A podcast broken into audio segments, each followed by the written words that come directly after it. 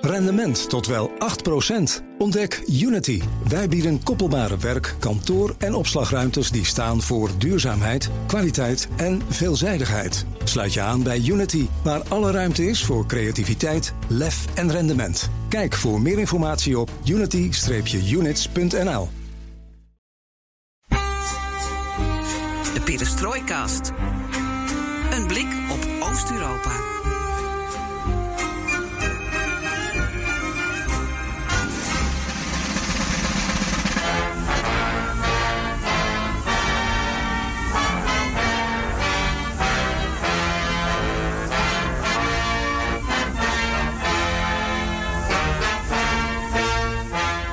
Welkom bij BNR Perestrooikast. In aanloop naar de Amerikaanse presidentsverkiezingen volgen we de relatie van de VS met onze regio. En onze geo geopolitieke steun en toeverlaat deze week is daarom uh, inmiddels huisanalist Isa Yusibov. Hij duikt met ons in de lijntjes die er lopen tussen Trump en Nord Stream 2, tussen Biden en de Balkan, de spanningen tussen de Amerikanen en de Russen. En Isa komt met anekdotes en archieven en activiteiten en hele diepe lades die afgestoft worden. En uh, classified information. Spannend, hè, Floris? Een paar weken geleden, Geert-Jan, dook Oekraïne op in de Amerikaanse verkiezingen. Uh, de New York Post, een tabloid, schreef op basis van uitgelekte mails dat Hunter Biden zes jaar geleden misbruik zou hebben gemaakt van de hoge positie van zijn vader, destijds vicepresident van de Verenigde Staten, Joe. Uh, dat zou zijn gebeurd terwijl Hunter werkte voor de van corruptie verdachte Oekraïnse aardgasmaatschappij Burisma. Koren op de molen natuurlijk voor Trump, die hiermee breed uitpakte. Tijd om eens uit te leggen hoe het zit dus tussen de Bidens en Oekraïne. En, uh, want ja, zaken, wie zaken doet in Oekraïne is nooit ver weg van corruptie.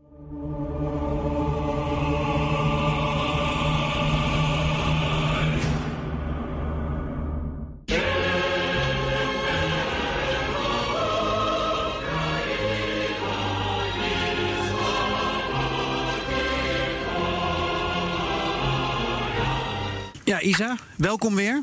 Goedendag. Uh, Floris doet het overkomen alsof het allemaal uh, net uh, begint. Maar eigenlijk is dit gewoon natuurlijk een nieuwe aflevering in de, in de Hunter Biden soap. En in, in Ukraine ja. Gate. Dat maar groter en groter wordt. Nadat er vorig jaar natuurlijk van alles naar buiten kwam. Ja, samen met Floris ben je dus in die avonturen van de Bidens gedoken in Oekraïne. Zullen we beginnen met mm -hmm. hoe ze daar verzeld zijn geraakt? Ja, prima.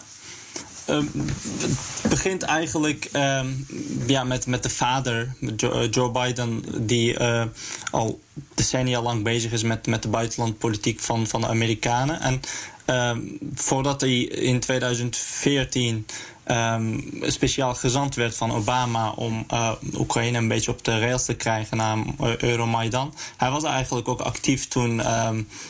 Als, als congreslid, uh, toen Clinton-regering ook uh, de zaken deed met Oekraïne. En dit, dit, is gewoon een continuïteit daarvan.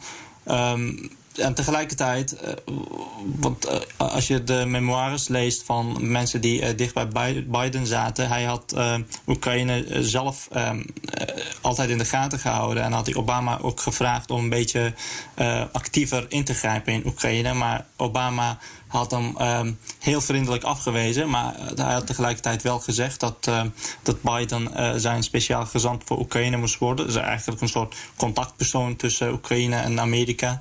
Um, en zodoende is hij actiever betrokken geweest bij allerlei hervormingen in Oekraïne en de nieuwe regering en dergelijke. En tegelijkertijd, in 2014 ook, begon, begon zijn zoon actief te worden binnen Burisma. En zo zijn de avonturen eigenlijk begonnen. Floris, wil je dat aanvullen? Nou, Isa spreekt het natuurlijk weer geweldig uit. Ja, je zag Biden zag heel erg actief worden op een gegeven moment inderdaad. Hij vloog op en neer naar uh, Kiev uh, in de jaren rond na Maidan uh, 2013-2014. En liet hij na om tegen president Poroshenko en premier Yatsenyuk te vertellen wat ze moesten doen. En juist wat hij vertelde, de druk die hij uitoefende, en dat zorgt nu voor Trumps munitie. Ja. Ja, Isa, heel kort voordat we er verder gaan duiken in wat voor bedrijf dat, dat Burisma nu is en hoe het nou zit met Hunter Biden. Uh, waarom is uh, vorige week ineens die jacht weer heropend? Want er was vorig jaar heel veel discussie over. Nu is er weer discussie. Is dat puur ja. uh, verkiezingspraat en campagne vanuit het kamp Trump? Onder andere, maar dat heeft ook te maken met het feit dat er opeens uh, ergens een laptop van uh, Hunter Biden is opgedoken. En dat uh, Amerikaanse media, vooral Giuliani als advocaat van Trump, zegt dat hij informatie heeft gekregen uit die laptop. Van waaruit blijkt dat, um, dat Biden eigenlijk e-mail-correspondentie hadden met Oekraïne. En dat, dat er een soort sprake zou zijn van belangenverstrengeling. En nu proberen ze dat uit te buiten. Maar ehm, gelet op wat we de afgelopen jaren hebben gezien uh, rijst bij mij de vraag in ieder geval hoe uh, authentiek die, die e-mail-correspondenties zijn. Ja. En daar gaat het nu wel een beetje en, en je zegt ook ergens duikt ineens een laptop op. Ja, dat is, uh, men zegt dat het de laptop is van, uh, van Hunter Biden, die ter reparatie ergens in een computerwinkel in Delaware uh, was gedropt. En zo heeft zegt Giuliani dat de hand uh, erop uh, gelegd te hebben en dan allerlei informatie eruit uh, gehaald te hebben. maar ook de Amerikaanse media blijf, blijken een beetje huiverig te zijn voor die publicaties. zelfs Fox News was er een beetje huiverig voor. Hmm. Maar ja, het is, het is wel een ja, verkiezingsstrategie, dat, dat sowieso. Want het is het is niet iets nieuws. Hè. Je zei ook al, uh, vorig jaar heeft Trump Zelensky ook gevraagd om een beetje in te grijpen. En om te kijken of er nog belastend materiaal te vinden is over de Bidens in Oekraïne. Dus het is gewoon, ja, dit was gewoon wel te verwachten. Ja, al denk ik wel dat Giuliani alleen maar meer tekeer zal gaan de komende dagen. En, en nog, weer, nog meer laptops en telefoons zullen opduiken. Want ja, jongens, die Borat-film, hè? ja. Hij uh, komt nu zelf in de problemen. Dat zijn, zijn even goed willen doen. ja, ik ben... Tuurlijk, op het, liggend op het bed. Hebben we al een reactie van Kazachstan?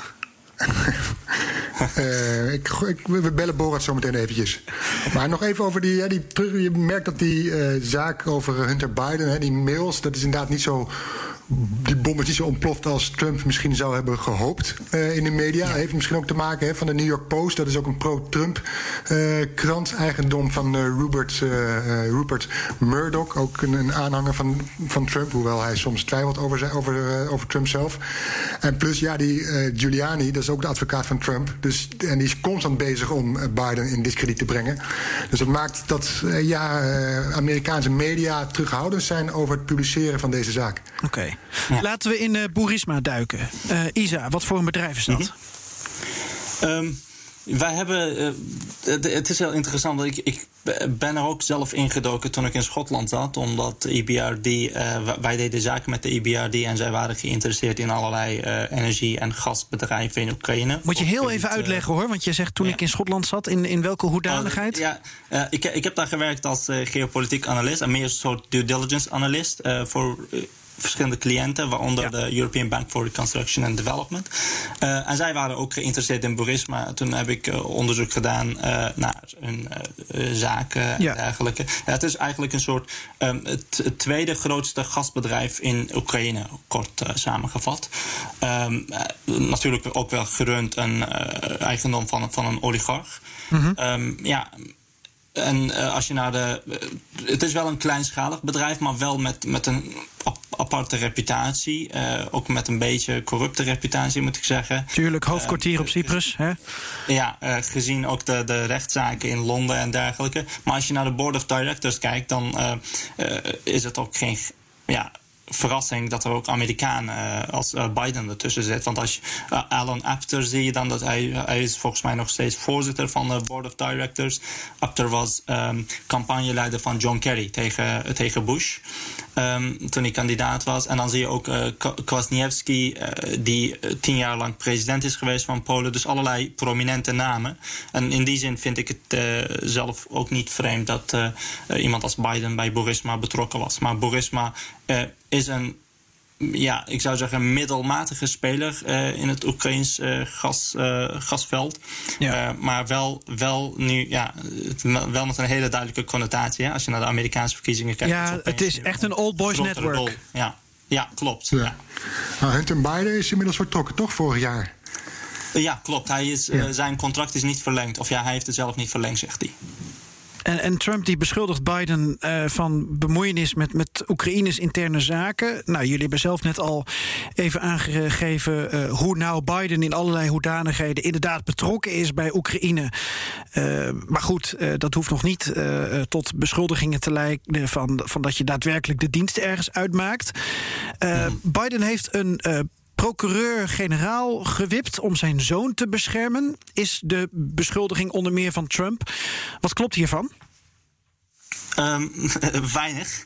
Um, ja, het klopt wel dat hij, um, wat Floris ook al zei, uh, dat hij president, uh, voormalig president Poroshenko onder druk had gezegd. En uh, ja, zo'n invloed had hij wel.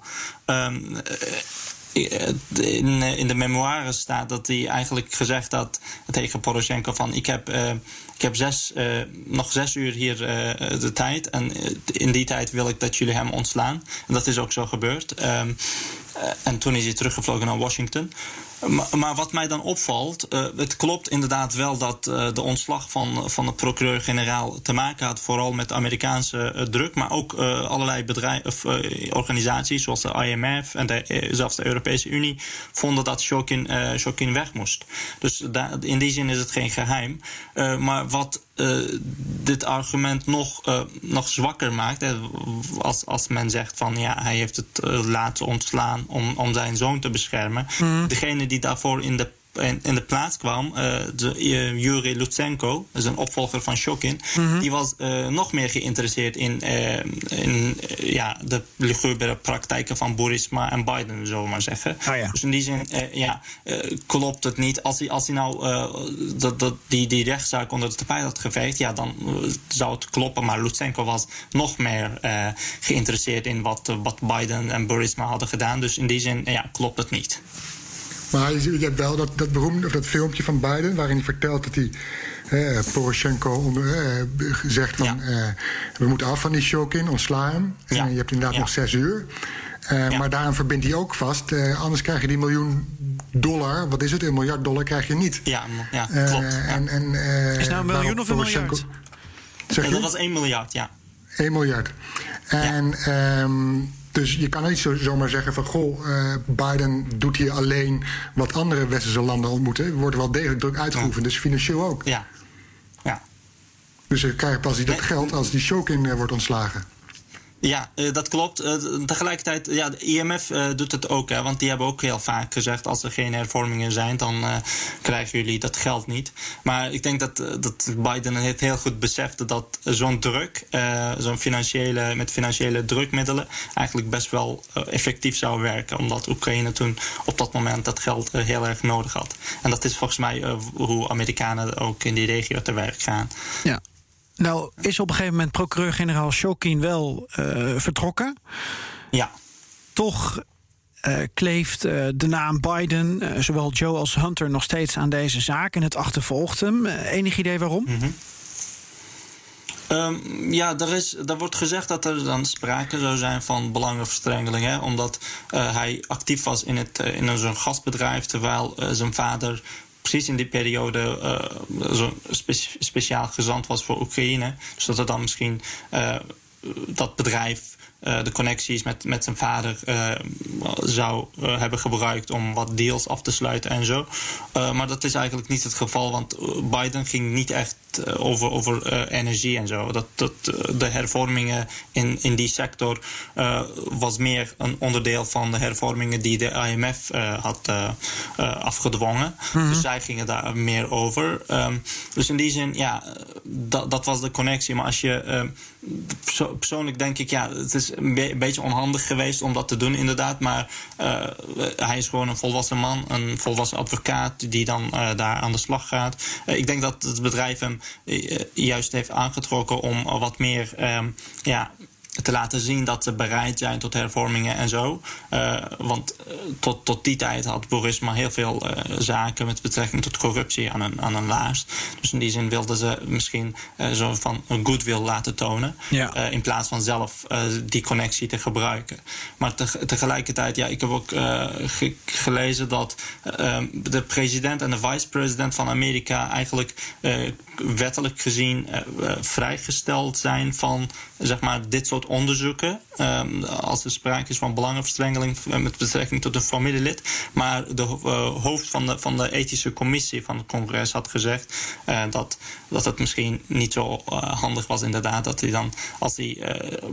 als, als hij als hij zijn zoon, uh, zijn eigen zoon, daar aan de slag zou willen laten gaan, dan had hij zelf ontslag genomen of iets, iets in die trant. Dus in die zin is er niks illegaals, maar het is wel, ja, het is wel een beetje. Hoe, hoe zeg je dat? Schijn tegen. Ja, ja, precies. Ja. Terwijl het niet, niet Ja, zo wat, je, zijn. wat je ziet is een, een rapport van Republikeinse senatoren. Die hebben daar naar gekeken. En die, daaruit blijkt uit het rapport dat het, ja, dat werk van, hè, dat lucratieve werk van Hunter Biden. Eh, bij dat, maat- bij, eh, bij dat energiebedrijf, terwijl zijn vader vicepresident was, dat was, noemen ze problematisch, die Republikeinse senatoren. Maar zo staat ook in het rapport dat er geen bewijs is dat het buitenlands beleid van de VS hierdoor werd beïnvloed.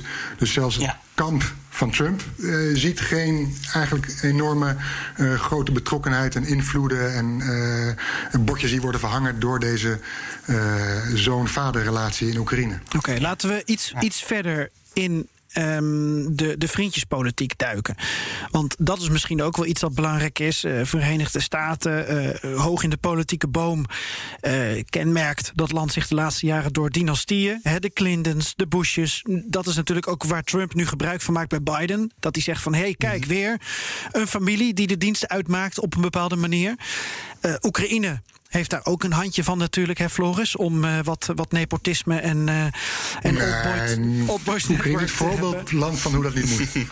Weten jullie, eh, Isa, eh, heb je in de archieven iets gevonden over lijntjes tussen de Bidens en, en Oekraïense oligarchen? Ben ik toch wel benieuwd naar.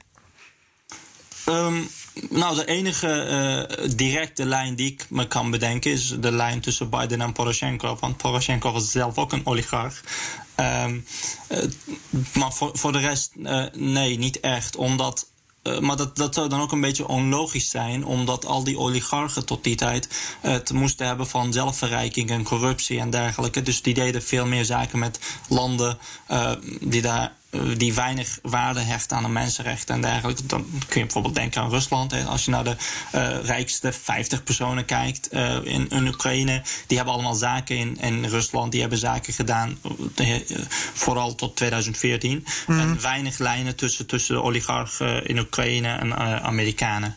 Ja, ja alleen Trump. Nou, je hebt wel de, Trump de, de. Clintons die. eh, Oh, Clinton ook nog. Oké, vertel. de Clintons die, die eh, bevriend zijn of goed door één deur kunnen met Victor Pinchuk.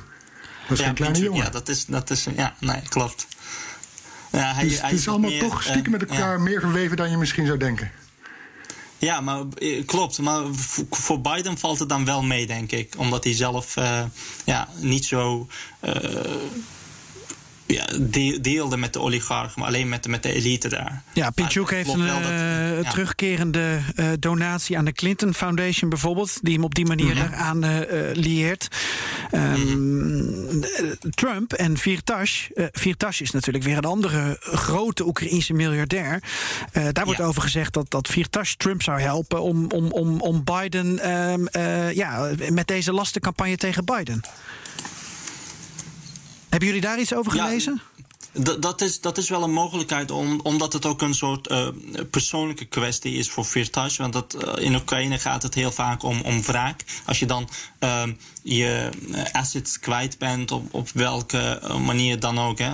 Want ehm Firtash ehm, heeft Oekraïne al verlaten voor Maidan, denk ik. En eh, het nog steeds niet teruggekeerd. Nee. En er lo- lopen heel, heel, veel eh, rechtszaken tegen hem aan. Dus in principe eh, lijkt het me wel. redelijk om aan te nemen dat hij dat wel zou proberen. Maar ik weet niet of hij zelf uh, belastend materiaal heeft om uh, Bidens nog meer in discrediet te brengen. Maar misschien kan hij, kan hij Trump uh, financieel wel helpen, want kennelijk is gebleken dat hij daar toch wel behoefte aan heeft. Laten we even naar uh, Ukraine Gate uh, gaan. Want er startte een afzettingsprocedure tegen Trump um, vanwege Oekraïne. En dat heeft dan ook te maken met Joe Biden. En Floris, jij wilde nog even teruggrijpen op een, een eerdere podcastaflevering van ons. Ja, we waren toen zo soepel en actueel dat we meteen op die zaak insprongen toen dat bekend werd, toch? Ik kan me even herinneren. Um, het ging erom dat Trump stelde op een bepaald moment aan zijn Oekraïense collega, die we allemaal kennen, Zelensky, voor om samen met de Amerikaanse minister van Justitie te onderzoeken of ja, inderdaad Biden er bij Oekraïne in 2006 heeft aangedrongen om ja, die procureur waar we het over hebben gehad, eh, te ontslaan. Mm -hmm. en, en vanwege Hunter Biden. En ja. Trump dacht van nou, daar, daar kan ik mooie zaak uit maken. Hè. Het was nog niet zozeer dat uh, Biden op dat moment uh, presidentskandidaat was, officieel. Maar het lag wel aan de lijn verwachting dat Biden zich uh, uiteindelijk tegen Trump zou opnemen. En dus hoopte Trump bij Zelensky daar informatie uit te halen. Dus dat was eigenlijk het begin van, dat kwam naar buiten. En dat was het begin eigenlijk van die afzettingsprocedure. En daarin gekoppeld zou zijn dat Trump de opdracht had gegeven om bijna 400 miljoen dollar aan militaire steun aan de Oekraïne te blokkeren. Mm -hmm. En dat hij eigenlijk hè, dat geld alleen zou geven als Zelensky en behulpzaam zouden zijn. Zou zijn. Ja, uiteindelijk Um, volgens de Democraten zeggen hiervan, hè, die zijn begonnen met die afzettingsprocedure van ja, hiermee is een, een buitenlands staatshoofd wordt gevraagd om mee te helpen bij de verkiezingen. Ja. En dat is natuurlijk uh, ja, onwettig in, binnen Amerika. En uiteindelijk uh, uh, dus starten de Democraten daarop zo'n procedure die op niets uitliep. Nee. Um, dus, maar je ziet wel dat, dat wat, wat Isa ook steeds zei. Uh, ik denk dat Biden nog niet klaar mee hier is. Althans, uh, Trump laat niet los. En uh, zijn kamp. Dus um, in debatten, in, in, in, interviews. zal Trump daar waarschijnlijk nog wel op terugkomen. Ja. Da daar wil ik zo inderdaad meer over vragen. Mm -hmm. laten we toch ook nog even kijken naar wat de regering Trump heeft betekend voor, voor Oekraïne. beleidsmatig. misschien hebben jullie daar allebei ideeën bij. Floris, mag ik met jou beginnen? Ja, nou ja, wat, je, wat je ziet is dat uh, ik was toen wel in, Mariupol in 2016. Toen was Trump uh, net gekozen. En in november, toen was er zo'n houding van, nou, hè, was er vrees van, ja, als Trump uh, die zo goed kan vinden met de Russen, en uh, het ons goed kan vinden, in ieder geval de Russen uh, geen kritiek heeft naar de Russen toe, die laat de Oekraïnse zaak los. Want we zagen juist na Maidan dat die Obama-regering met Biden voorop zich erg bemoeide met wat in Oekraïne gebeurde. En, en zich ook hard maakte tegen Rusland. En nu was het idee van ja, als Trump aan de macht is, dan zal hij het niet zo hard opnemen voor Oekraïne. Dat zie je ook wel gebeuren aan de ene kant. Hij spreekt Poetin niet aan op de annexatie van de Krim of de Russische rol in de oorlog naar Oost-Oekraïne. Er is geen vice president die op en neer vliegt naar Kiev en hamert op hervormingen. Dat past natuurlijk ook meer in de isola. isola Isal, in de. Wat wil je zeggen? Islamitisch. Islamitisch, ja. uh, de Isolationistisch. Ja, precies. Isolan, isolanisme. Dat komt er bijna niet uit. Isolationistische koers onder Trump. Um, Volgens mij was hij weer fout. Ja. Nog een keer. Isolement. Ook goed. Ga door. Dat Amerika in ieder geval meer voor zichzelf kiest en zich terugtrekt uit de wereld. Uh, verschil is natuurlijk wel dat, dat eh, Oekraïne dat stond hoog op de agenda. Dat speelde natuurlijk enorm rond met, uh, in de laatste termijn van, uh, van Barack Obama. Dus ja, dan, dan, dan ga je er automatisch meer mee bemoeien dan als een Oekraïne meer op de achtergrond raakt. Aan de andere kant, hè, ik zei net dat Trump zich niet zo hard opstelt voor Oekraïne als de Obama-regering. Aan de andere kant lijkt Trump zich ook weer wel gelden. Twee zouden de uh, Oekraïners zelfs uh, antitankwapens hebben gekocht, javelins, van, van de Amerikanen in 2018 en dit jaar ook nog een keer. Dus onder Trump-regering. En ja, de koop van die wapens, dat is een stap die Obama niet durfde te maken omdat hij bang was de Russen hiermee in de haren te strijken. Voort zie je ook dat Trump zich verzet met sanctiesveld tegen Nord Stream 2, hè, die gaspijpleiding waar we het eerder over hadden tussen Rusland en Duitsland. En die pijpleiding maakt Oekraïne kwetsbaar voor gasleveringen uit Rusland. Hè. Dan kan Moskou makkelijk de kraan dichtkraaien naar Oekraïne zonder dat, zonder dat de Europese landen hiermee worden getroffen. Dus daarin zie je ook wel dat, dat Trump eh, het opneemt voor Oekraïne. Hoe ik me afvraag of hij hierbij direct Oekraïne gedachten heeft. Of meer denkt aan waar we het over hadden: America First en verkoop van vloeibaar gas. Mhm. En plus had je in, toen twee jaar geleden ook die schermutseling tussen de Oekraïnse en de Russische marine. Als ik het even niet vergis. Dat was in ieder geval de Russische vloot op zee beschoot Oekraïnse schepen. En naar aanleiding daarvan zijn ook weer Amerikaanse sancties ingesteld. Dus het, is, het is, beeld is dubbel. Isa? Uh, ja, uh, ik, ik, sluit me aan bij wat uh, Floris zei. Ik vond het zelf heel grappig toen, toen Trump getweet had hè, over als het gaat op kritiek op, op Obama met betrekking tot Oekraïne. Dat ja. Obama zo tandeloos was dat Rusland Krim had geannexeerd en de Amerikanen daar niks tegen konden doen en zo.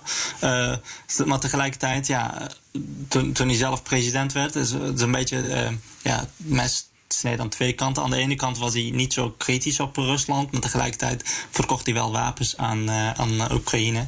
Dus, um, ja, maar dat zie je uh, ook terug in, in de in de, hoe, hoe de diaspora, Oekraïnse diaspora daar, daarover denkt. Maar daar gaan we misschien nog uh, over hebben. Dat is die verdeeldheid, zeg maar, die discrepantie zie je daar ook uh, in. Nou, laten we dat gelijk oppakken en, en daar ja. dan ook mee uh, afronden. Want we hebben nog een, een paar andere spannende afleveringen in het, in het verschiet. maar die diaspora, dat is interessant. Want dan gaan we het ook, zeg ik alvast, de volgende aflevering... als we het gaan hebben over Trump, Biden en de Balkan...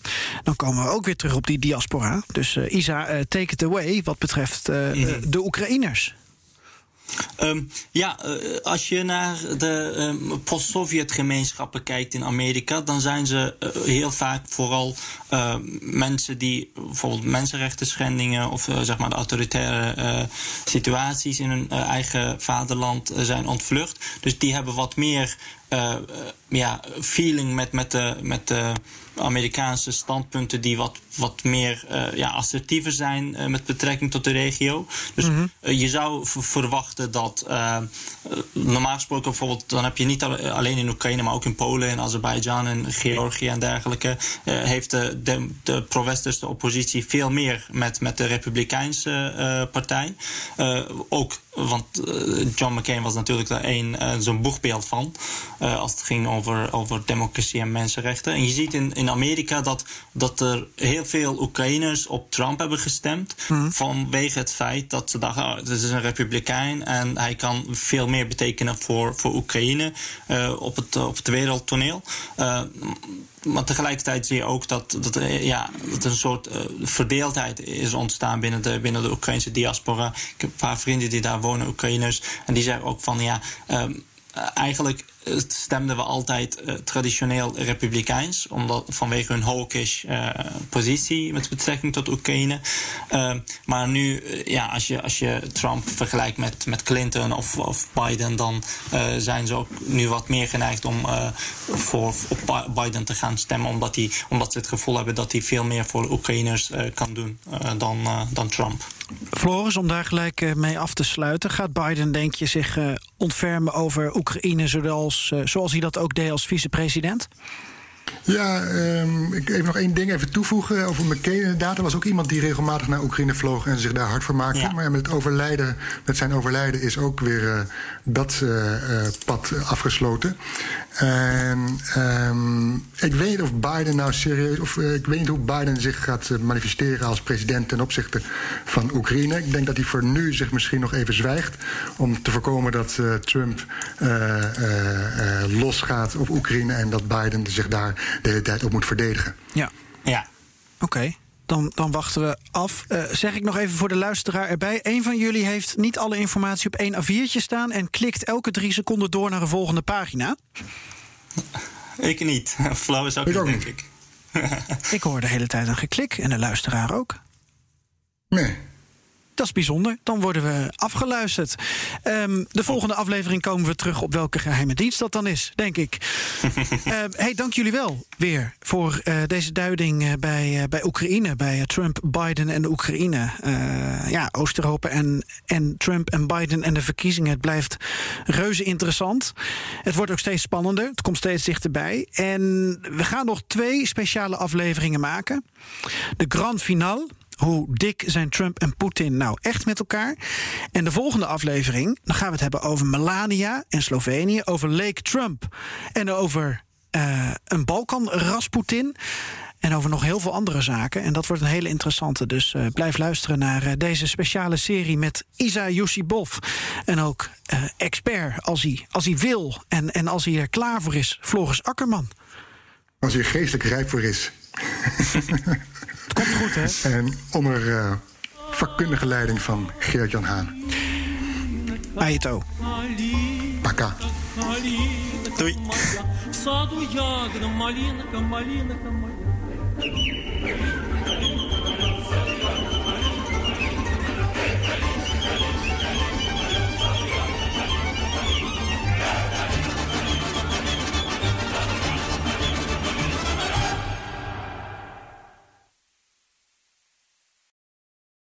Tot wel 8%. Ontdek Unity. Wij bieden koppelbare werk, kantoor en opslagruimtes die staan voor duurzaamheid, kwaliteit en veelzijdigheid. Sluit je aan bij Unity, waar alle ruimte is voor creativiteit, lef en rendement. Kijk voor meer informatie op unity-units.nl.